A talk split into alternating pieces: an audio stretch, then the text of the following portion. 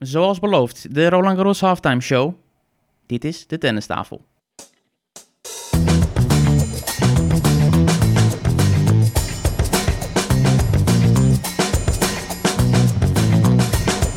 Please take your seats quickly, ladies and gentlemen. Thank you.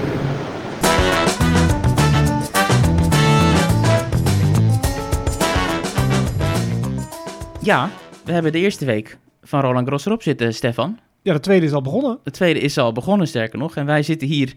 Ja, waar zitten we? Ja, in jouw commentaarhok. In mijn eh, persoonlijke commentaarhok, inderdaad. Ik heb er een hele commentaarweek langer al eh, erop zitten met eh, de qualifiers en, en alles erop en eraan. Je hebt niet gezien dat het heel mooi weer is geweest de afgelopen Nee, dagen. nee, jij bent ook heerlijk bruin en ik, ja, ik, ik trek steeds bleker weg volgens mij. Ja, wij zitten hier in afwachting van eh, sushi trouwens. Dus eh, mocht, mocht er een onderbreking zijn, dan, dan weet de luisteraar waar dat eh, aan ligt. Dan wordt het een rijsttafel straks. Precies. en, eh en Abe, die is er niet. Of toch wel? Ja, we, we horen hem op de achtergrond, maar hij zit niet eh, naast ons inderdaad. Hij is eh, nog in de weer met het commentaar van Nadal tegen Sinner. Maar wij eh, zijn vast begonnen omdat eh, de meeste kwartfinales al eh, bekend zijn. En wij hebben zoveel vertrouwen in de, de uitkomst van deze wedstrijd dat we het wel aandurven. Ja, nou, het kan nog een beetje veranderen, want ik zie dat Sinner nu aan het terugkomen is in die tweede set. Maar we, voordat we klaar zijn, dan weten we wel hoe die wedstrijd is gegaan. Ja, maar eventjes, eh, voordat we echt eh, in, de, in de schema's duiken, in onze voorspellingen en zo erbij pakken. De eerste week zit erop. Wat eh, is het gevoel? Leuke toernooi tot nu toe. Valt het tegen? Valt het mee? Nou, soms heb ik het idee dat ik naar twee verschillende toernooien zit te kijken. Een dagtoernooi en dan die avondsessie. Dat lijkt wel of het een totaal ander park is, totaal andere beleving is. Geen publiek, laat op de avond, hè, 9 uur starten en dan een best of five. Vind ik wel pittig. Maar eh, overdag, eh, ja, ik geniet er wel van. Jij? Ja, zeker. Eh, ik heb natuurlijk een hele andere blik vanuit het eh, commentaar. Ook heel veel dingen zie ik veel aandachtiger en gedetailleerder dan ik dat als gewone toeschouwer zou doen. Maar anderzijds, als je helemaal bezig bent, dan mis je ook vaak wel weer veel wat er gebeurt op de achtergrond. En dan moet je dan weer inhalen. Ja, je zit in je tunnel dan, als het ware, Ja, je ene wedstrijd tunnel. Maar volgens mij is het hartstikke leuk. Nou, ik vooral bij de dames, over de vrouwen in het begin heb ik echt eh, genoten van een aantal eh, mooie, spannende wedstrijden. Ja. Die voor mij eruit springt is meteen Bodoza tegen Bogdan. Ja. Anna Bogdan. Dat was echt eh, een topwedstrijd, vond ik. En ik vond Anna Bogdan, die had nog een matchpoint. Ja, die speelde zo waanzinnig goed. Ja, dat was echt smullen. En je noemt nu twee namen die misschien de, degene die tennis niet al te nadrukkelijk volgt. Ja, het gaat niet direct een belletje rinkelen waarschijnlijk. Maar ja, we hebben nu te maken met bij de dames zes kwartfinalisten die nooit eerder een kwartfinale hebben gehad op een Grand Slam toernooi. Ja, dat geeft maar weer aan in de, die breedte daarin. Ja. Hè? Maar goed, er was ook genoeg vuurwerk naast de baan bij de, bij de vrouwen. Jongen, jongen, ja. Goed, we hebben het vorige keer natuurlijk met Osaka en zo allemaal besproken. Ehm daar zullen we zo wel op terugkomen. Maar ik zei het ook al in mijn commentaar. Je hebt het vaak over eh, bovenste helft, de onderste helft en dat soort zaken. Maar bij die dames is het totaal eh, irrelevant geworden om daar naar te kijken. Iedereen is er zo wat uitgevlogen. Op dit moment dat wij elkaar spreken is de enige top 10 speler die nog over is, is Iga Swiatek. Die eh, vanavond dan gaat spelen voor ons. Ja, en wij, wij denken dat het eh dames tennis niet nog onvoorspelbaarder kan. Ja, want je ziet weer andere namen dan, dan in het verleden met andere Grand Slams. Hè? Verrassende namen. We zien weer allemaal nieuwe. Ja, dat wordt echt, echt geweldig eigenlijk, die laatste acht. Ja, nou goed, laten we maar gewoon eh, beginnen. Zo bij de dames dan maar starten. Ja, En dan eh, gaan we nu toch wel gewoon bovenaan beginnen bij eh, de dame met de nummer 1 achter de naam, Ashley Barty. Ja, zonde. Moest ja, geblesseerd opgeven na een set. In de tweede ronde was dat al, geloof ik, tegen Linet. Ja, Ja, ja, daar kan je niks aan doen. Ja, blessures horen bij de sport. Ja, ze hebben natuurlijk wel erg veel gespeeld. Na een jaar niet spelen, dan weer heel veel spelen. Ja, dat eist dan toch de tol op het lichaam. ja, en het was waar voor. Dus ze heeft eh, tranen gelaten, zei ze. Want ze had natuurlijk vorige keer dat ze meedeed aan het evenement gewonnen in 2019. En dan op deze manier, terwijl ze zo goed stond te spelen dit jaar ook. ja, drie dus titels al misschien wel de gewonnen. topfavoriet Ja. gewoon, hoe ze speelde. Ja. Ja. Dus dat was eh, bijzonder zuur, maar dat is al zoveel dagen geleden. Er is al zoveel eh, daarna ook gebeurd. Wie is daar dan nu over? De bovenste kwart. ja, Coco Gauff. Ja, die had jij gekold, hè? Die, die had ik, eh, ik heb, ja, die had ik ook in de kwartfinale staan. Ik had er zelfs de halve finale. En ja, dat lijkt me niet meer dan redelijk als ze tegen Krejcikova moet spelen. Ja, maar jij, had niet Krejcikova Golf staan, denk ik. Nee, die had ik in de achtste finale eruit, want de Mugova had ik door. Mugova, ja, die is er inmiddels ook uit. De ene Tsjechische vervangen door de andere. Eh, maar voordat we over Golf heen springen, zij is de enige Amerikaanse speelster over. Ja, Ja. Wel dat gedacht aan het einde van de rit, dat zij dan de enige, de last woman standing is, als het ja en de toekomst heeft zij natuurlijk. Ja. Is een tiener. Ja, en geweldige wedstrijden gespeeld. Ze won van eh, onder andere Jennifer Brady, dat was dan wel via een opgave ook. Maar ons Jabeur werd eh, helemaal van de baan af gemapt eerder vandaag ook. Dat viel eigenlijk wel een beetje tegen. Daar Ja. had ik wel wat meer van verwacht, weet je. Mooi creatief spel allebei, maar dat Ja. was eenzijdig. Ja, nou, razend knap. De tiener dus eh, bij de laatste acht tegen Krejcikova. In, dat, in datzelfde gedeelte zat Mugova. Ja, wat gebeurde er met haar? Nou, Sloane Stevens speelde gewoon weer heel erg sterk. Is natuurlijk al een voormalig finalist op Roland Garros. Eh, zag er weer fit uit. En Ja. die, die, die speelt heel smooth, zeg maar. Mhm. Alsof het geen energie kost. Die voorhand en die backhand van achteruit. Dat, dat was eigenlijk weer ouderwets genieten. Ja, En eh, ja, werd eigenlijk nu wel overklast door die Krejcikova vandaag. Ja. En dat is een geweldig verhaal. Ik weet niet of je de details van die Krejcikova kent. Eh, zij heeft een hele bijzondere link met eh, Jana Novotna. Want zij heeft, toen zij nog buiten de top 300 stond en pas 18 jaar was, kwam zij erachter dat Jana Novotna, de voormalig nummer 2 van de wereld, eh, Wimbledon-kampioene, uit dezelfde stad komt, Brno, als zij. En zij heeft toen dus met haar ouders ja, het risico genomen om daar gewoon heen te gaan, naar het huis van Jana Novotna in Brno. Die heeft haar toen in de tuin eraan getroffen. En die heeft gezegd, ik ben een opkomende speelster, zou jij mij willen helpen? En die heeft toen gezegd, ja, wat, in eerste instantie, wie zijn die, eh, die rare mensen hier eh, voor de deur? Maar uiteindelijk heeft ze gewoon gezegd, ja, ik ga dat doen. En ik ga je niet alleen van adviezen voorzien, Mhm. ik ga je ook gewoon coachen. En ja, de tennisvolger zal weten dat Jana Novotna eh, een paar jaar geleden, in 2017 meen ik, is overleden op 49-jarige leeftijd. Maar tot die tijd, totdat ze kon, Oké. totdat kanker zeg maar ja, echt, echt een rol ging spelen en dat ze niet meer verder kon, heeft zij haar gecoacht. En ja, alles wat zij vindt en alles wat zij doet, dat, dat is altijd nog opgedragen aan Ja. eh, Jana Novotna. Dus het is een prachtig verhaal en het is voor de eerste keer dat zij ook het zo goed doet. En zij gaat dus spelen tegen Goff nu. Dus ja, ja, voor iedereen kansen nu. Ja, dat komt ook om de hoek kijken. Hè. Als je dan naar, naar wel het bovenste gedeelte hebt, alleen Swantek nog erin die ervaring heeft met het winnen van een slam. Maar, en de rest, ja, die zijn nog, nog geen halve finale bereikt op een slam. Dus dat, eh dat is zenuwslopend ook alweer. Want Ja. iedereen weet, ik heb nu een kans van mijn leven misschien wel. Als je, omdat het zo eh, geopend is, het schema. Ja, en datzelfde geldt zeker ook voor eh, Maria Sakkari, de Griekse. Die vandaag ook won van Sofia Kenin, de finaliste van vorig jaar. En ook dat was een slagpartij. Ja, maar ook dan kan je, is het geen garantie. Want een Sakari kan ook de volgende ronde zomaar niks raken, vind ik. Ik, ik, Ja. ik vind haar niet stabiel. Ik, ik heb geen idee hoe, Ja. hoe zij voor de dag komt of zo. Nou, ik, ik had toevallig haar eh, wedstrijd vandaag. En opmerking die, die ik aan het einde maakte was... Wordt dit dan het toernooi dat zij van subtopper wereldtopper wordt? Want zij heeft geweldige resultaten geboekt tegen top 20 spelers. Ze had nu 13 overwinningen op top 10 spelers ook. Maar zij piekt op dit moment op haar hoogste notering. Ze is de nummer 18 van de wereld. Maar voor je gevoel af en toe denk je... Ik dacht dat zij wel al hoger had Ja, gestaan, maar, ja. maar toch niet. En is dit de eerste keer dat zij bij de kwartfinale staat eh, op een Grand Slam toernooi? Dus ja, wie weet is dit dan voor haar eh, de doorbraak? Ja, want ze heeft dus de kwaliteiten, want ze Ja. wint van veel toppers, maar nog niet die stabiliteit, wat ik zeg. Want ze verliest dan ook weer wedstrijden die ze niet hoort te verliezen dan eh, qua status. En ja, won van Mertens onderweg ook nog. Ja, was een geweldig pot. Ja. En, en, en, en eigenlijk, als je het over fitness hebt en zo, is zij natuurlijk wel gebeeldhouwwerkt. Ja, het Echt is ziet bizar. er heel goed uit. Ja.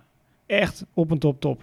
ja, echt gewoon een spierbonk, laten we eerlijk zijn. Een soort bodybuilder bijna. Ja, het is misschien iets te veel, Ja. want dan verlies je een beetje finesse. Ja, be- ja. Nou goed, zij eh, is dus door en zij heeft eh, van Mertens gewonnen, zoals je zei. Ja, en zij is, op dit moment weten wij niet eh, tegen wie zij gaat spelen. Volgende ronde, dat wordt of Swiatek of, ja, jouw protégé. Ja, ja, niet, Kostjuk. niet voor dit toernooi had ik er al heel snel uit. Ja, Want ik had eh Muguruza... nee, ik had er laten winnen van Muguruza. Ik had inderdaad... ja het Kostjuk eh, over even de kijken. Muguruza, nee toch? Nee, nee, ik had Muguruza laten winnen inderdaad. Ik dacht slechte loting voor haar. Maar in het begin van het jaar heb ik haar genoemd van eh spelen om in de gaten te houden. Ja, Ja, nou dat komt nu uit. ja, maar je- goed dat je Muguruza aanhaalt, want daar moeten we niet overheen. Hè? Want eh Abe Kuil, ja. die had Oh. Muguruza als, Als als winnares? als winnares. Ja. Eerste ronde eruit. Ja, daarom is hij vandaag niet opkomen dagen. Ja, precies. Dat is eigenlijk de reden. Speciaal verzoek aan, aan Eurosport om hem eh, in te delen op het moment dat wij de podcast eh, opnemen. Ja, die de strijd. Nou, dan hebben we denk ik het eerste helft zo eh, snel afgerond. Of heb je nog iemand hier waarvan je denkt, daar moeten we even bij stilstaan? Volgens mij niet. Ja, Sviontek, die weer als vanouds huishoudt. En we gaan er vanuit. Zullen we dat doen, stiekem? Dat zij gaat winnen? Of, Ja, nemen we met nu al haar ervaring nu al. En ja, ze speelt ook goed. Ze had ook een ontsnapping in het dubbelspel trouwens. Zo, ja. Swantek. Gewoon zeven matchpoints Ja. overleefd. En dat, dat is wel goed, denk ik, voor de spanning, spannende momenten, ook in je single. Dat neem je dan toch mee. Dus Ja. ja, Ze speelt met eh, Bethany Matic Sands, hè? ja. En ze ja. speelde tegen uh, Nummer 1 geplaatst en Mertens. Ja. en Mertens. Ja. ja. Eh, nee, ik ga daar nog steeds voor Swantek. Ik had er als finaliste. Ja, Dus daar ga ik nog steeds voor. ik had haar als winnares. Nou ja, dan eh Ja. hamerstuk weer. Ja, Volgende. precies. Next. Nou, tweede, tweede deel van het schema. En als we dan helemaal bovenaan kijken, dan zien we de one and only Serena Williams. Ja, Serena startte goed. Verloor uiteindelijk toch misschien wel weer een beetje van zichzelf. Ja, willen Ribakina niet eh, onderdoen. Was een goede speelster. Won Zeker. vorig jaar heel veel toernooien. Sterke opslag. Ja, was een beetje van de radar, maar Ja. nu weer helemaal terug. Ja, maar op de cruciale momenten maakte Serena toch te veel fouten. En tegen Collins was het echt weer lekker zo'n vechtwedstrijd. Ja, en daarvoor Buzanescu was me er ook een. Ja, helaas geen Aranska dus. Nee, precies. Hoopten had, we eh, natuurlijk wel allemaal op, maar die verloor van eh, de Roemeense. Ja, had een tweede ronde kunnen zijn. Was niet zo'n beste wedstrijd, vond ik, van, eh Van Aranska dus. Nee. Nee, was, was niet zo goed. Allebei lefties. Was wel spannend en natuurlijk heen en weer, maar ja, helaas. helaas. Ja, maar goed, nogmaals, Buzanescu is niet de eerste de beste. Ze is ook een beetje hè, gezakt van de ranking. Ja, voormalig nummer zaken. 20 van de wereld. Ja, maar dat liet ze wel zien bij Vlagen, hoe Ja. goed ze is. Maar geen partij voor Williams. En Williams is helemaal door tot de, de laatste 16 wel. En ze, ze vocht zich door die wedstrijden heen. Ehm, ja, Ja, maar je zag al, vond ik, dat ze ergens zou gaan struikelen. Ik zat daar niet meteen van, nou, dit is wel kampioenenniveau Ja. of zo. Ja, ik merkte heel erg dat ze elke keer woest was dat ze een set dreigde te verliezen. Het was alsof ze heel bewust bezig was met, ik wil als- alsjeblieft in straight sets door. En, en ja, dan verloor ze toch een set van Buzanescu hè, eerst en daarna Ribakina. Dus eh, ja, weer, weer niet gelukt voor Serena. Nou, door naar Wimbledon, wat altijd de grootste kans blijft voor haar om eh, dat 24ste Grand Slam te winnen. Ja, Ja, niet. dan hoort ze gewoon weer tot de, kans, de echt grote kanshebbers. Dat heeft ze wel Ja. laten zien, hè? Ze speelde, ze bewoog ook best wel prima goed. en dat soort Ja. dingen. Dus Ja. zeker eh, kansen voor haar. Ook in dat gedeelte, trouwens, eh, Petra Kvitova. En ja, het is een knotsgek vrouwentoernooi geweest, dat hebben we gezegd. Maar dit was ook weer zoiets bizars. Ja, krijgt weer de pers de schuld, of niet? Ja, weer de pers, precies. Nou, Osaka, nu Kvitova, die, die struikelt over de pers. Ja, ze had een perspraatje gedaan, geloof Ja. ik. En daarna struikelde ze, Ja, letterlijk. dit, dit was ditmaal de tv, hè? Niet eh, de geschreven pers, voor de duidelijkheid. Ja, en door haar enkel geklapt. Ja, te bizar voor woorden. En ja, kon niet in actie komen. Ik had eventjes contact gezocht met eh, haar agent, is een Nederlander, Marijn Bal, om te vragen allerlei zaken, maar ook hoe gaat het met, eh met Kvitova. En het was een, een beetje voorzorg ergens wel. Kijk, had dit een halve finale geweest, dan had ze misschien ja. wel er doorheen gepusht. Maar ja, zij heeft ook natuurlijk een beetje hetzelfde als Serena heeft en wat, wat Federer ook heeft, waar we later op terugkomen.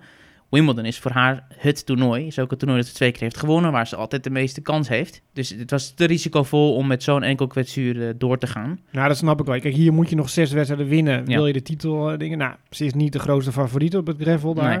Ja, en Wimbledon is dichterbij dan andere jaren. Want er is een week afgesnoept. Precies. Dus er is kortere tijd. Dus eh, dat snap ik dan wel. Maar ja, het blijft heel zuur natuurlijk. Zeker. Dus dat was eh, de volgende klap voor het eh vrouwentoernooi. De volgende in de vele. Daar kunnen we zo meteen nog over doorgaan. Maar als we eventjes doorkijken in het schema, dan komen we uit bij namen als Sabalenka. Nou, Stefan. ja, ik, ik kan er niet omheen natuurlijk. eh. ik eh, tipte haar als eh, eindwinnares. En eh, ik roep al eigenlijk het hele jaar, dat is mijn eh, nieuwe nummer 1 aan het einde van het jaar. Maar Ja. eh, voorlopig eh, ben ik nog roepend in de woestijn. nou ja, goed, we moeten niet overdrijven. Ze doet het heel goed. En ja, je had wel gezegd dat je had verwacht dat in Parijs zou het echt hè, gaan lopen. Dan komt echt die nummer 1 positie binnen handbereik. Ja, ze verliest uiteindelijk in de... Eh, derde derde, ronde, ronde. van uh, Pavlyuchenkova. Eh, ja, nou, oké, daar kan je van verliezen. Want zij speelt gewoon ja, echt hard, vlak, rechtdoor. Dus eh, Sabalenka kan niet heel goed verdedigen. Die wil zelf natuurlijk graag eh, domineren. Dus dat, kan. Maar dan een 6-0 in die derde set, dat was voor mij wel schrikken. Terwijl ze die tweede set won. Een blessurebehandeling voor, voor Pavlyuchenkova. Ja, dan denk je, dan gaat ze eroverheen. En dan is het daar doorheen. En dan is ze los. Dan zijn we niet... Ja, nee, weer niet. En weer geen kwartfinale op een slam. Die Precies. moeten nog zien te halen. Vier derde ronde ook, hè? Ja, dus ik werd al afgestraft op Twitter van... hoe kan je dat nou zeggen? Ze hebben nog nooit een kwartfinale Ja. gehaald. Maar ja, er staan er nog meer die nooit een kwartfinale hebben gehaald. Is en die gaan straks eh finale spelen. Is ook zo, maar het verdient wel eventjes, eh, althans het niet, zij verdient. Pavlyuchenkova, wel even de spotlights. Want we hebben het vaker gezegd en ik zal het ook altijd blijven zeggen. Beste speelster die nooit de top 10 heeft bereikt. Als je naar haar cijfers kijkt, het is bizar. Het is geloof ik de zesde, zevende kwartfinale die ze haalt op een Grand Slam toernooi. Ze heeft zo'n 37 ongeveer top 10 overwinningen geboekt, zonder zelf ooit in de top 10 te hebben gestaan. Het is niet te geloven. Ja, maar zij leefde niet genoeg voor haar sport. Ze had een tijdje een eh, Nederlandse coach, echt heel kort. En zij at gewoon een Magnum na het eten. Gewoon elke avond at ze een Magnum na het avondeten. Nou, dat is gewoon een pakje roomboter wat je erin eh, in stopt. En, en ze was van geen kwaad bewust. En de ouders zaten erbij en dat vond het allemaal prima. En hij zei, wat ben jij nou aan het doen? Nou, weet je, en ze oogt ook wel dat ze er iets van af kan. Dus ik weet niet of ze dat heeft afgeleerd. Maar ja, die coach ging er snel de deur uit. Ja, ze moet gewoon fit zijn. Is gewoon topsport. Want ze heeft de slagen, ze heeft de capaciteiten, wat je zegt. Maar ja, om het lang vol te houden. Ja, nou het is wel interessant dat je dat aankaart, die ex-coach. Het is sowieso een hele bijzondere dame. Ze, op dit moment doet ze echt alleen maar waar ze blij van wordt. Heeft ze heel veel over gezegd ook de laatste tijd. Ook in een andere podcast, eh, No Challenges Remaining, heeft ze er uitgebreid over gesproken. Ze, werkt nu met haar broer en ze heeft echt afscheid genomen van alles wat haar ongelukkig maakt. En ze doet echt alleen maar wat ze doet. Ze gaat alleen maar met de mensen om met wie ze om wil gaan. Ze had ook er eventjes eh Soemik, hè, de, de. Beruchte nou, daar Sam heel vrolijk van. als coach. Nou, die is ook heel snel eh, de laan uit eh, gestuurd. En ze werkt nu dus met haar broer en daar is ze ontzettend tevreden mee. En ze heeft gesproken over het, ja, een beetje zich losrukken van die ouderwetse mentaliteit die ze van huis uit een beetje mee had gekregen. Nou ja, ja we weten als zij eh, de ballen raakt. En ze heeft het hele greffelseizoen al best wel goed gespeeld. Ja, als hij aan is, is ook echt aan. Echt, ja. En eh, ze dubbelde vandaag tegen Demi Schuurs met eh, Nicole Melker. Zij speelt met Ribakina. Tegen wie En ze gaat wonnen. spelen in de ja, kwartfinale. ja, en ze spelen ook samen dus dubbel. En eh, nou, hel- helaas voor de Nederlandse, eh, ze won. Want ze, ze is gewoon on fire, zeg maar. Ze zit gewoon Ja. in... Ja. Ja, en zij won ook van Azarenka ook nog. Dus Azarenka en Sabalenka achtereenvolgens eh Ja. verslagen. Dus in dat kwart, eh, ja, die twee, Rybakina en Pavlyuchenkova, overgebleven. Dan kunnen we naar beneden. Dat is eh, ja, waar Bianca Andreescu en Naomi Osaka eh, zaten. Welke twee zijn eruit gekomen? Badoza. Badoza. maar eerst Sidansek. De dubbelmaatje van eh Aranska Rus. Misschien dat de mensen daar de, de naam ook wel eh, van kennen. Maar die speelt echt heel goed. Ja. Ik heb die wedstrijd ook helemaal gezien tegen uh, Andreescu. Dat was echt een thriller eh, diep in de derde set. Ja, drie, eh, drie plus uur. Ja, dat ja, was mooi. Maar eh mooie speelt heel, eh, heel vast is ze. Maar ook wel weer dwingend. Niet al te grote meid. Maar eh won Andreescu, Siniakova, Kirstea. Ja. Knap overwinning. En nu tegen Badoza. En, eh, Ja. Eerste Sloveense ooit op eh, zo'n ja, die podium. de kwart haalt. Die de kwart haalt, dus eh razend knap. Badosa, inderdaad, dat zeg je, die zit helemaal onderin. Die was op het laatste moment daarin geplaatst. Weet je nog, dat ze opschoof? Ja, ja ze is nummer 33 geplaatst. Dat is inderdaad omdat er een geplaatste speelster Risk in dit geval afhaakte. Zij nam eh, die plek over. Overigens ook het gedeelte waar Kiki Bertens zat. Zullen we dat maar even eerst afkaarten dan? Kiki Bertens, ja, ik had vertrouwen in dat ze iets zou kunnen klaarspelen. Nou, dat is totaal eh, niet gelukt. Het was een wonderlijke eerste rondepartij die ze speelde tegen Polona Herzog.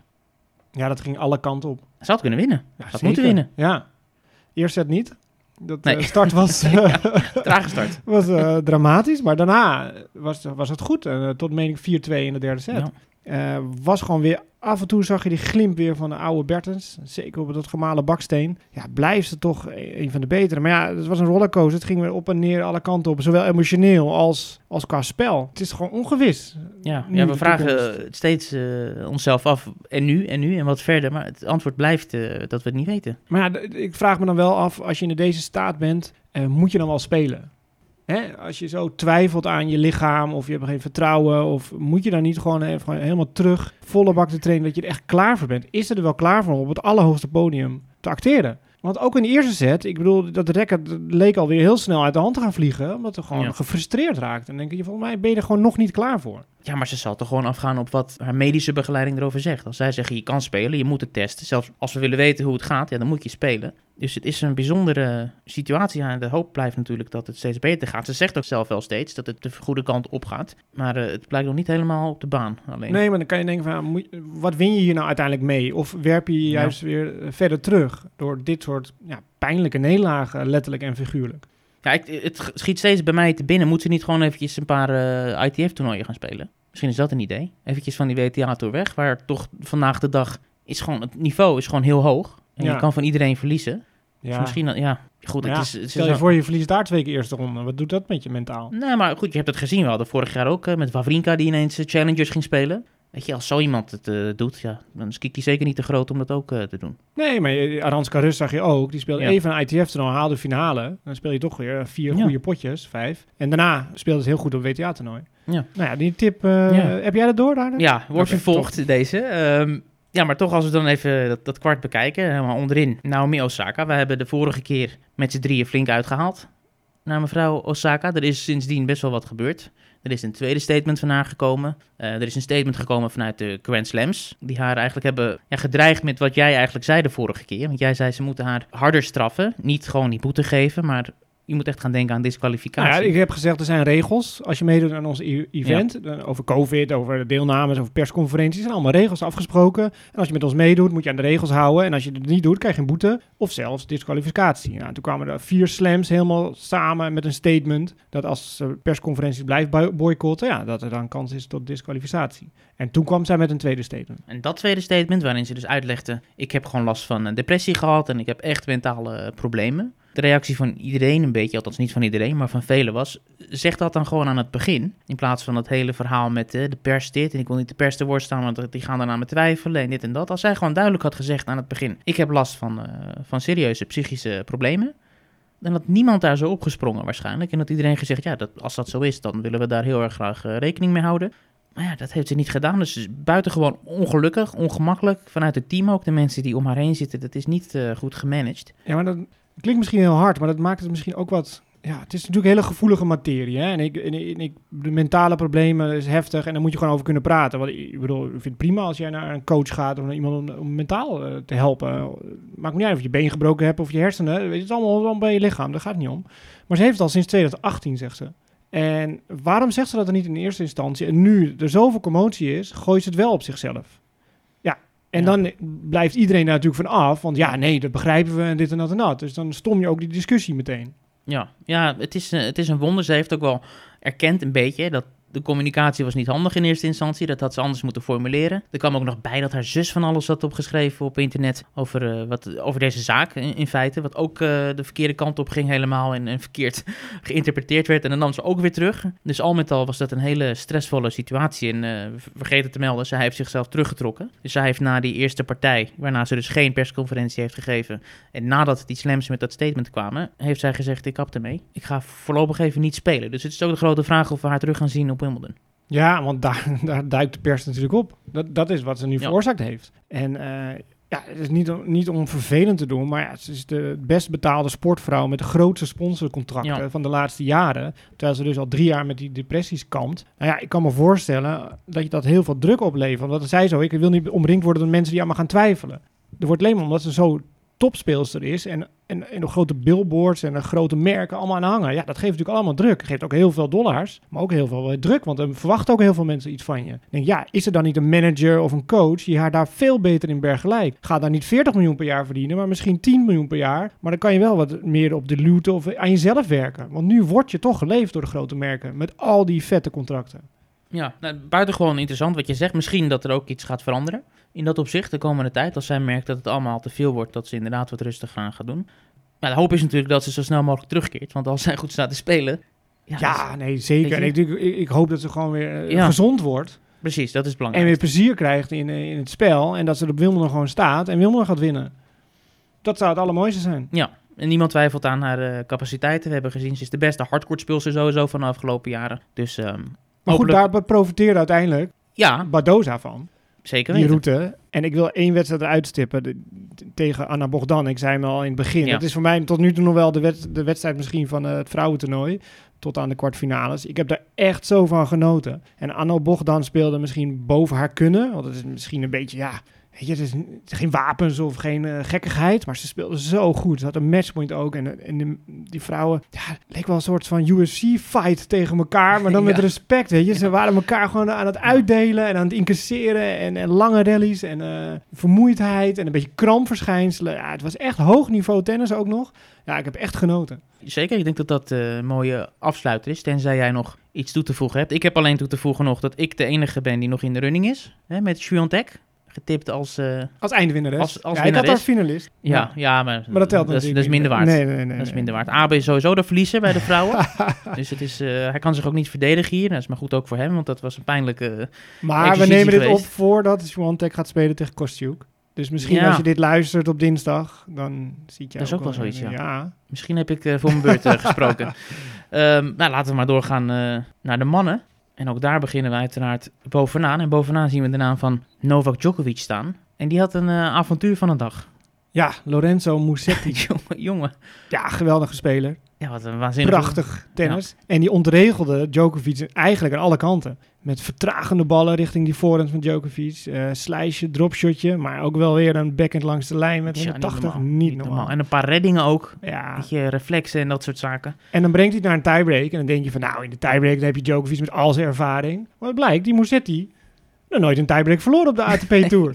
En die breidde het nog even uit door de eerste twee sets notabene in een tiebreak te winnen. Musetti, een van die eh, vele Italianen die het zo ontzettend goed doen. En een van de twee tieners ook, Yannick Sinner. Komen we zo meteen op, dat is zijn eh compaan. Eh, maar ja, Djokovic inderdaad, 7-6, 7-6. Eerste twee sets naar Musetti. En daarna?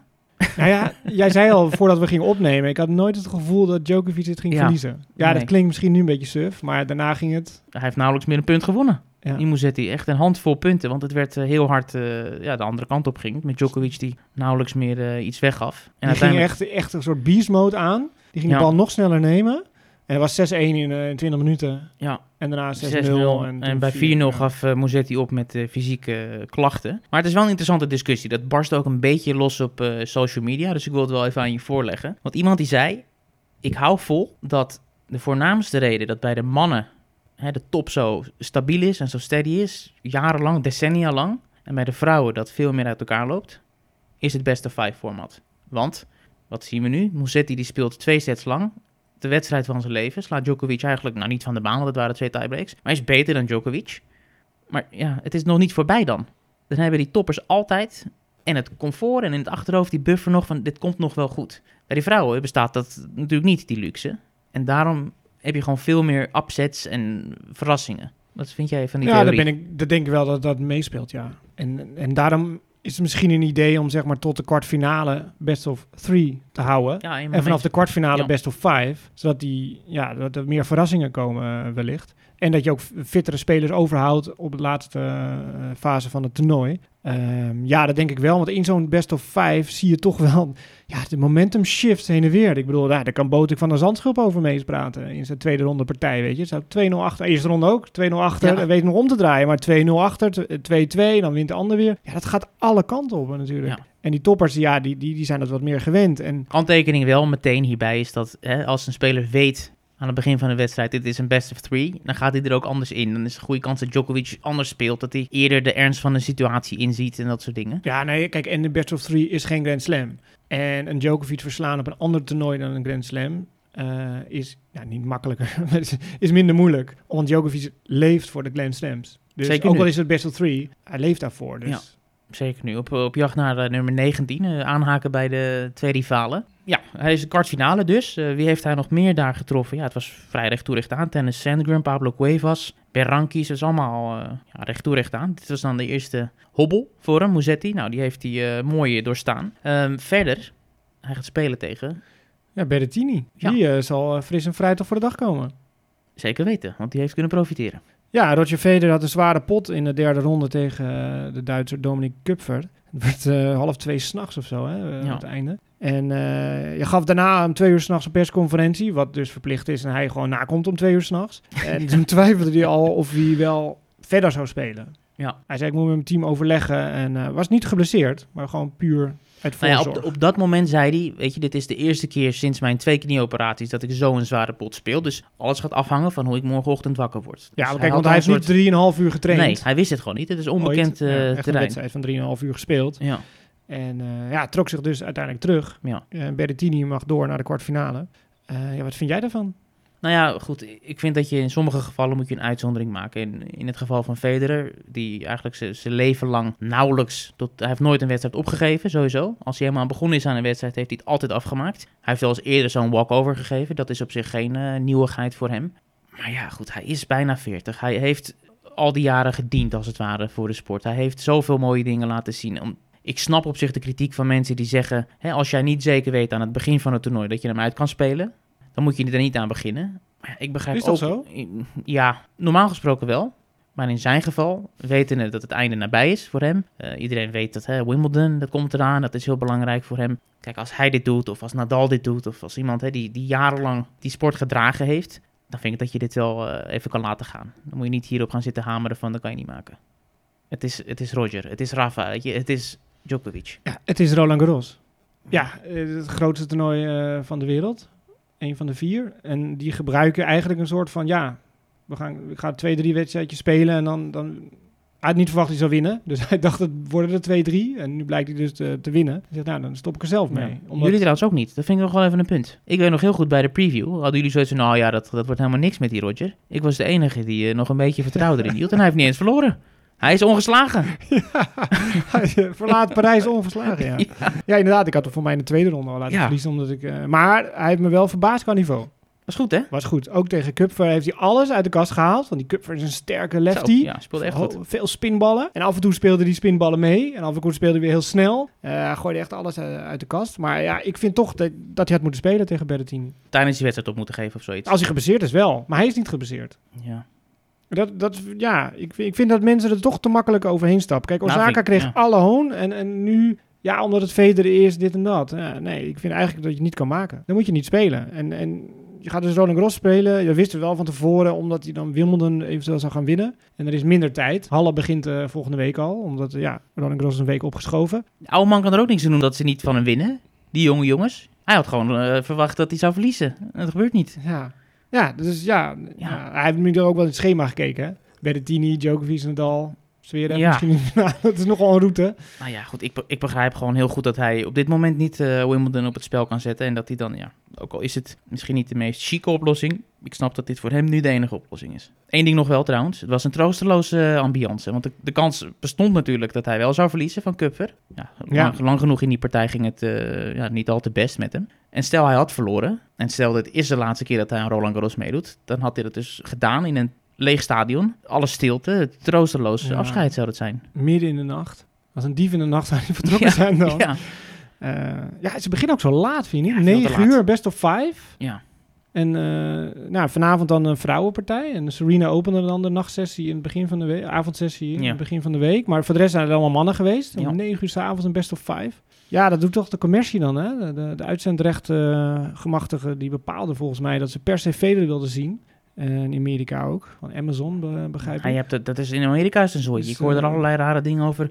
Peacock of zoiets is een nieuwe aanbieder daar. En Tennis Channel. En het is verdeeld over verschillende partijen. En de ene keer wordt het wel laten zien. De andere keer zit het achter de... Of alleen online, dat soort zaken. Dus het is een beetje een rommeltje. Maar ja, dat speelt zeker mee, de, de uitzendrechten. Ja. Maar ze gaan eh, naar 8 uur als de avondklok eh, opgegeven wordt. Volgens mij is dat eh, later in deze week. Dus dan gaan de avondpartij wordt vervroegd. Ja.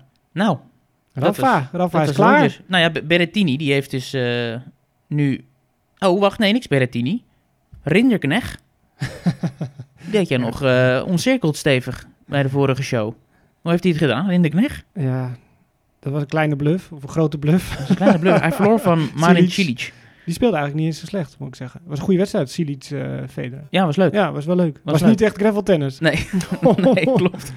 Nou, het is misschien wel eh, een juist bruggetje nu, die, eh die Rinderknecht hier ziet staan. Frankrijk. Dieptepunt hè, voor het Franse tennis. Nog Zo. nooit Nee. dat ze dit hebben meegemaakt, dat er werkelijk niemand door is gedrongen tot eh, de derde ronde, voorbij de derde nee. ronde. En de oude generatie moet het nog steeds doen, hè. Ja. Met de Casquez en de Tsonga's, Monfils. Maar die kunnen het niet meer. Dus dat, dat is ongekend, want er gaat een zootje geld Ja. naar die Franse tennisbond. En er zijn een zo'n toernooien in Frankrijk.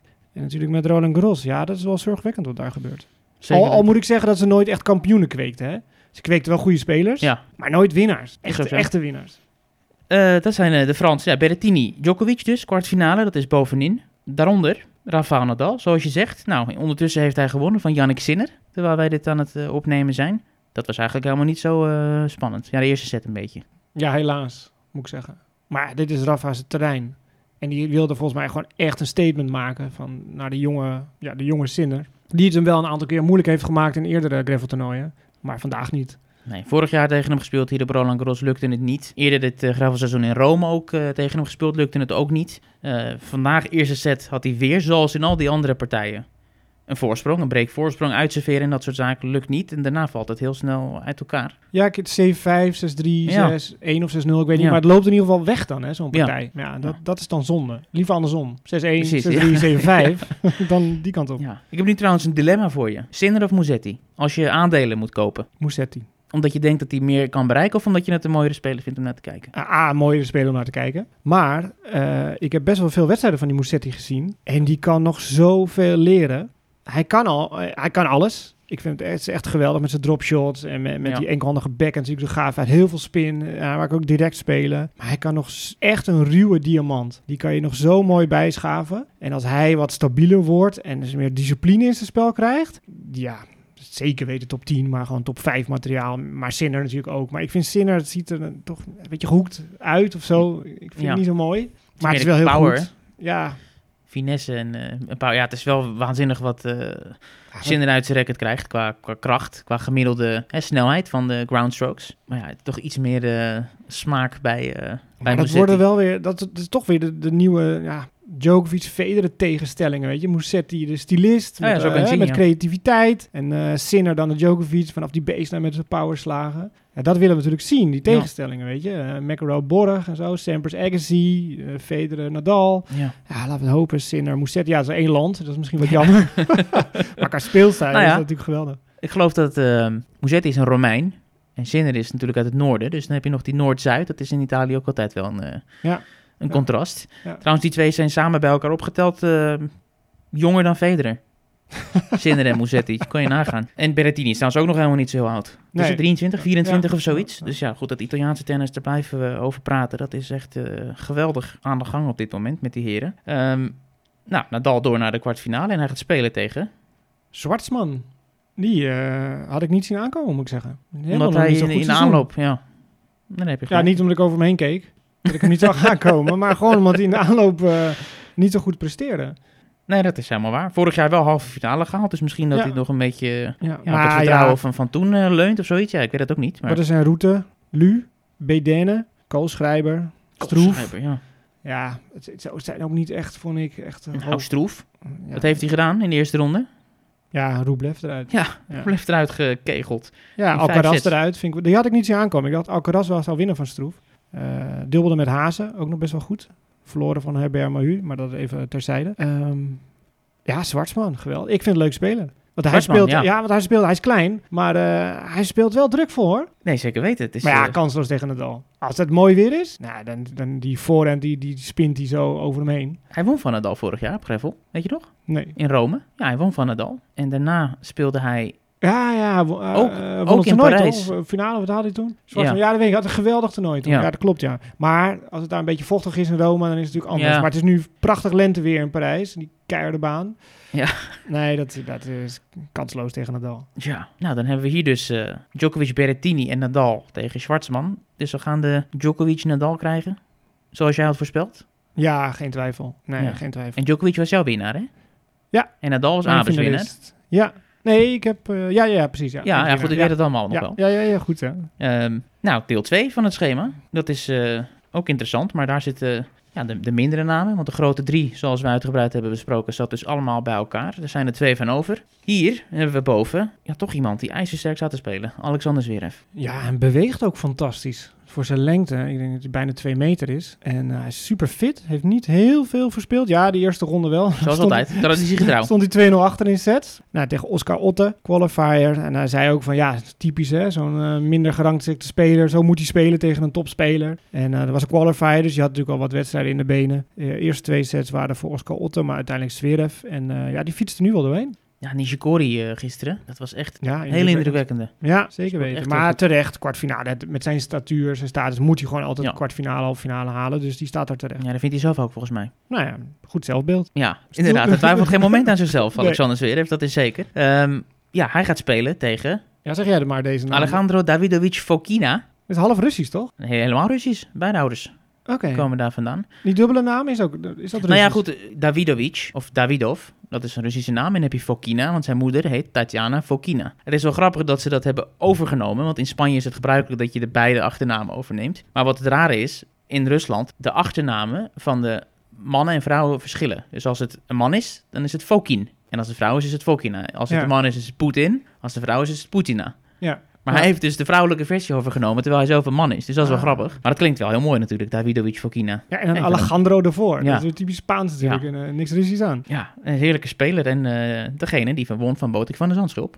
Zo, dat was een partij zeg. Vijf setjes. Ja, weer leek er een stunt in te maken. Want Botik ja, kwam terug in de eerste ronde partij van 2-0 achter in sets tegen Hubert Hurkacz. Als je die wedstrijd gezien hebt, heel knap van Botik. Maar Hurkacz Nou, was niet echt onder de indruk van. Hij raakte ook geblesseerd aan zijn arm. En ja, dat was uiteindelijk gewoon op. Ja. Dat ging niet. Dat flikte hij bijna weer tegen die Davidovic voor Kina. 2-0 achter in sets, kwam Ja. terug. Maar toen meteen in de eerste game van de vijfde set gebroken. Ja, en die maakte hij helaas niet meer goed. Maar die Davidovic voor Kina, die hangt nu wel een beetje Ja, op zijn schoenen. Die- die kan tong eigenlijk hangt op helemaal zijn niet schoenen. Eh, ik vind het wel leuk, die hele Fokina. Eigenlijk, hoe die speelt. Ik ben normaal gesproken niet zo'n eh, dol op van die, hè, van die werkpaarden. Ik ben meer van de finesse als het eh, op smaak aankomt. Maar ja, het is, een, het is een hele leuke jongen ook en echt een heel goed hart. Super sportief ook tijdens die wedstrijd altijd. Geeft op hele belangrijke punten ja, gewoon een punt weg als het nodig is. Of als het in is of uit is, is hij daar heel eh, goed in. En het hele verhaal natuurlijk met die adoptie, heb je dat meegekregen? Nee? Tijdens de coronacrisis heeft hij een online platform opgericht voor verlaten huisdieren. Want hij heeft gemerkt dat tijdens de coronacrisis, zeker in Spanje, is er echt een booming hoeveel mensen daar eh, de huisdieren gewoon op straat zetten. Als een soort bezuinigingsmaatregel. En dat vindt hij gewoon verschrikkelijk. En dus hij heeft een soort platform gesticht waardoor mensen die dus van hun huisdier af willen, dat daar kunnen Ah. aanmelden en dat die dieren een ander thuis krijgen. Oh, dat, is, mooi, dat is een prachtig eh, initiatief. Nou, hij hem. stijgt weer in mijn eh, aanzien. Ja, en hij zegt ook, ik speel voor die dieren. Want hoe bekender ik word, hoe Ja. bekender mijn platform ook wordt, Wat mij altijd opvalt bij hem in zijn voorgaande wedstrijden, dat hij altijd valt. Echt, ja, dit, nu valt het wel mee, Brandon Garros. Maar Ja. hij, hij, hij is altijd gehavend. Hij heeft overal schaafwonden en zo. Want eh, Het is heerlijk chaotisch altijd met hem. Want hij speelt ook die onderhandse services heel vaak. Ook tegen Casper Ruud zat er eentje in. En ook in zijn wedstrijd tegen Dabonis. Daarna zat er ook weer een onderhandse service. Tegen Botti trouwens ook. Ja, Tegen iedereen wel een keer. ja, ja, het is Ehm, wel leuk om in de gaten te houden. Er gebeurt altijd wat met Ja, ja. Dat is wel gaaf. Maar eh, tegen Zverev zie ik het niet gebeuren. Zverev is sterk en Davidovic voor China lijkt me gewoon op na al die zware wedstrijden. Ja. Ja, goed. Zeker na het interview na zijn vorige partij stond hij echt... Zijn arm viel eraf. Zo stond hij achter de microfoon voor het interview. Dus ik vraag me af of dat eh, gaat lukken. Maar hij is berensterk hoor. Hij is Ja, niet, die hij is niet heel lang, maar hij is echt wel... eh, gedrongen. ja. Absoluut, ja. Nou, goede, goede leuke speler. Die is echt aan het pieken op dit moment in zijn carrière. En kijken hoe ver dat allemaal kan komen. Is pas 22. Dus eh dat is ook de volgende trouwens, hè, in lijn van die, hè, van die Russen die voor een ander land eh, uitkomen. Ja, Shapovalov en met, met Zverev zelfs. ja. Tsitsipas, eh dat opgeteld bij al die, de echte Russen. Nou, daar waar het Russische bloed stroomt bij de heren, gaat het op dit moment zeer goed. Verder, of heb je nog iets te melden over Botik? nee, nou ja, ga, goed. maar naar, ga maar naar beneden. En Ja, dan toch? zien we twee kanjers staan. Dan zien we Stefanos Tsitsipas, mijn winnaar. En Daniel Medvedev, die iedereen, inclusief eh, zichzelf, heeft verrast. Ja, dat we toch een tientje op moeten zetten. Jongen, jongen, ja. Hij gaat het opeens leuk vinden. Hij kan het. ja, I Ja. love clay. ja, ja. ja, het is niet te geloven. Hij heeft eh zowaar de kwartfinale gehaald. Ja, kijk, het mooie weer helpt ook. De banen zijn wat sneller. Ja. En zo, hij heeft het ook nu gezegd, ik heb het nu gevonden ook, hoe ik een beetje moet spelen. Hij, hij, hij bakte er echt niks van op het eh, gemalen baksteen. Eh, echt een hardcore speler, puur zang. Want op, gra- op gras moet het ook nog maar zien. Maar hij lijkt het wel eh, te vinden. En ja, Boeblik, die is ook niet zo goed op eh, gravel. Dan Tommy Paal, Opelka. Nou, hoef je ook niet heel veel rallies van te verwachten. Maar tegen Garin, ja, dat is een goede gravelspeler. Dus Ja. dat is een mooie overwinning. En nu tegen Tsitsipas. Dat zou echt een, een stunt zijn. Als hij daarvan weet te winnen. Ja. Hier op Roland Garros op, op gravel. Dat zou echt, echt geweldig zijn. Want Tsitsipas staat op, zijn beurt top te spelen. Ja, die had een lastige tegen Isner. Hè? Ja. Want dat is zo... ja, daar word je zo zenuwachtig van. Ja, je mag geen service game verliezen zelf. Ja. En je zit altijd van, ja, ik moet nou die rally aangaan of niet. En eh, ja, en een paar goede blok returns en een paar goede returns laag op de voeten. En eh, ja, ja, volgens mij is het echt zijn moment om iets te doen. Weet je, Djokovic Nadal natuurlijk. Maar ik, ik- voel een Tsitsipas eh, succesje in de lucht hangen. Hij heeft vorig jaar de halve finale al gehaald. ja. ja, ik had hem ook als halve finalist tegen Zverev, moet ik zeggen. En dan tevoren. had je Zverev als winnaar. Ik heb Zverev Oh. eh, als finalist, Djokovic als winnaar. Dus, en Zverev wint van Tsitsipas volgens jou dus? Ja. Oké, nou dat kan allemaal nog. Ja, volgens mij zijn we er zo'n beetje doorheen. Heb je nog bijzondere dingen gezien? Bijzondere namen? Misschien eerder in het schema of bijzondere wedstrijden? Ja, nee, het zijn toch wel een beetje geëikte namen hè, die, die, die dan eh, boven... Dat is eh, die jonkies eh, uit Italië niet, maar de rest is het wel weer... gaat eigenlijk nu de, echt de tweede fase in, dan moet je het zeggen. Echt gewoon de Zverev, de Tsitsipas, de Medvedev, Nadal, Ja. Djokovic. Nu gaat het eigenlijk pas echt voor hun eh, beginnen. Maar ja, goed, nu heb je dan de kans om, aangezien de nieuwe namen in het schema staan die jij niet had. Nou, Wat- wat- nou, nou, dat zijn er maar eh, twee. Nou, dat is ook zo. Ik had Rublev, die is er niet. Rublev was er niet. verrassend, vond ik wel. Maar nu Sabalenka eruit is, wie is, Oh, bij nu, de vrouwen. wie is nu dan eh Ja, dus automatisch? Ga ik wel voor Swantek, ja. ja. Oké, nou ik hoef niks aan te passen in dat opzicht. En ook bij de mannen hoef ik Oh, niks lekker, aan te lekker, passen. lekker, Ja. Abe, is die nog in de race? Eh, Ja, die had Nadal. Rafa natuurlijk, ja. Ja, ja, maar dat Ja. is eh, geen gewaagde uitspraak. Nee. Ja, volgens mij kunnen we er een punt achter zetten. Nou ja, we, We Dieder, hebben- Dieder de Groot moeten we misschien nog even noemen. Absoluut. Won single en dubbel in het rolstoeltennis. En eh, won ook al de Australian Open. Dus die is echt op weg naar misschien wel het Grand Slam. En misschien wel een Ja. gouden Grand Slam. Want het is ook nog een Paralympisch jaar. ja, inderdaad. De teller staat op 10, hè, nu qua Grand Slam titels. Ja, ze hebben alle slams minimaal twee keer gewonnen. Eh, ja, onbetwist de nummer 1 van de wereld in het rolstoeltennis. Eh Ja. ja. super knap wat er gebeurt. Maar ja, het zijn wel allemaal ja, dezelfde namen die we zien. Ja. Dat maakt Ja, kleine het wel schema's, hè? moeilijk. Ja. Ja. maar wel leuk dat ze dat al naar, naar voren hebben gehaald. Want meestal zo'n middenweeks eh, gaat het eh, los. Maar nu was het echt dit weekend. Eh, maar ja, wint de eerste ronde is 0 is 0. Ja. Daarna is het 1 is 1 en finale is 4 is 3 of Ja. zo. Ja, maar goed, wel echt, ze leeft echt voor de sport. We zien haar wel eens 100%, trainen op het. NCC en ehm, is heel sterk. Dus eh, ja, mooi succes voor, voor Ja. haar. Misschien nog even kort, eh Koolhof, Royer. Dat is toch het dubbel waar we veel van verwachten, ook met oog op de Olympische Spelen misschien. Ja. Uiteindelijk gingen ze Ja, onderuit. ze ging onderuit tegen Boebelik en eh Golubev. En ja, dat is wel weer pijnlijk, want die Ja. Boebelik stond er een beetje bij van... Ja, Ja. even leuk dit, doen we eventjes. En een paar balletjes hier en daar. Eh, ja, en Cole Royer is natuurlijk ja, serieuze titelkandidaat. Dus die, Ja. echt dubbelspecialisten natuurlijk. Die, dat, voor hen is dit alles. En die Boebelik stond een beetje te geinen. Ja. Ja, en die winnen dan. Golubev speelt trouwens echt heel goed eh, aan zijn zijde. Dus, eh, en ik vond Royer wat minder in die partij. Eh, maar het klikt wel. Dat is belangrijk. Ja, dat heeft wel potentie, dit duo. Ja. Veel beter dan met Ja, jij was heel vroeg met, Koebot. met ja, Koebot inderdaad niet- om te dat zeggen het dat niet het, dat het Nee. niet klikte. Maar Ja. nu zie je wel dat het Ja, ja, ik zie nu echt wel dat, het, dat het goed bezig is. Wat wel pijnlijk is trouwens, dat Mexic en Pavic, die hebben tot nu toe bijna alles gewonnen. Nummer 1 geplaatst. Ja, corona-geval. Dus die werden uit het schema gehaald. Ja. Dus dat is natuurlijk wel eh, zuur. En wat ook zuur is, dat Middelkoop met Aravalo, eh ja, moest een walk-over geven. Marcel Aravado raakte in de partij eh, geblesseerd aan zijn bovenbeen. Stond 4-2 voor, stond een een break voor. En ze sleepte die wedstrijd er nog uit, terwijl hij helemaal niet meer kon lopen. En nu in de volgende ronde moest ze opgeven. Dat is zonde. Hazen en Stroef, nou, derde ronde. Verloren van Mahu Herbert, Franse eh, topkoppel. Maar ja, derde is het tiebreak, dus dat is ook wel, Ja. een beetje Maar dat is een pijnlijk. gelegenheidskoppel toch, denk ik? Hazen Stroef? Of is dat iets voor de langere termijn? Eh, nee, want ik zag Hazen volgens mij met Golubev ingeschreven op Wimbledon. Nou, Zeg ik dan. zo uit mijn hoofd. Dus dat eh, vond ik is ook wel apart. En eh Demi Schuurs verloren, ja, dat zeiden we net. Ja, Uh, Rebekina en... eh, ja die hebben het op hun heup- heupen. Dus Ja, dat, Nou ja, Leslie Kerkhoven de eerste ronde uit met de Rosalie van de Hoek. En Anske Rus met Sidanske, dan de tweede ronde geloof ik uiteraard. We hebben het mixdubbel nog. Schuurs en Kolov nou, lekker dubbeltje. staan in de halve finale. Dus eh, nou, dat waren denk ik alle dubbelpartijen. Sam Schreuder nog in de quads. Ja. Verloor de finale. Dylan Alcott. Dat is best wel knap om te zien. Want die, eh, dat is weer een andere, ja, dat is weer iets anders dan met rolstoeltennis. Ja. Die hebben volgens mij dan nog een andere handicap erbij. En, eh, maar die, die, ja, die Dylan Alcott is echt wel een wereldster. Want hij is ook presentator en zo. En Ja. eh, een leuke gast. Die, eh, Australiër. ja, nummer 1 van de wereld. En alles is te zien, hè? Op, eh, op Eurosport, op eurosport.nl kan je het gewoon allemaal bekijken. En dat is echt wel, wel leuk voor, de, ja, voor die spelers ook vooral in het rolstoel. Want die verdienen toch alle aandacht en ja, iedereen kan het in feite zien in Nederland. Ja, nee, zeker. Met en zonder commentaar. Ja. Kies vaak zonder. Dankjewel. Een tip mensen. Dankjewel. Ja.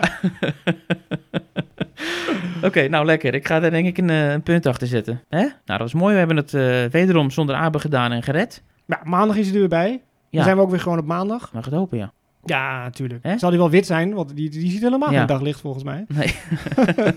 nou, het was ons eh, waar genoeg wederom. Volg ons Op social, op social. at de tennistafel. Eh, bedankt voor het luisteren. Tot de volgende keer.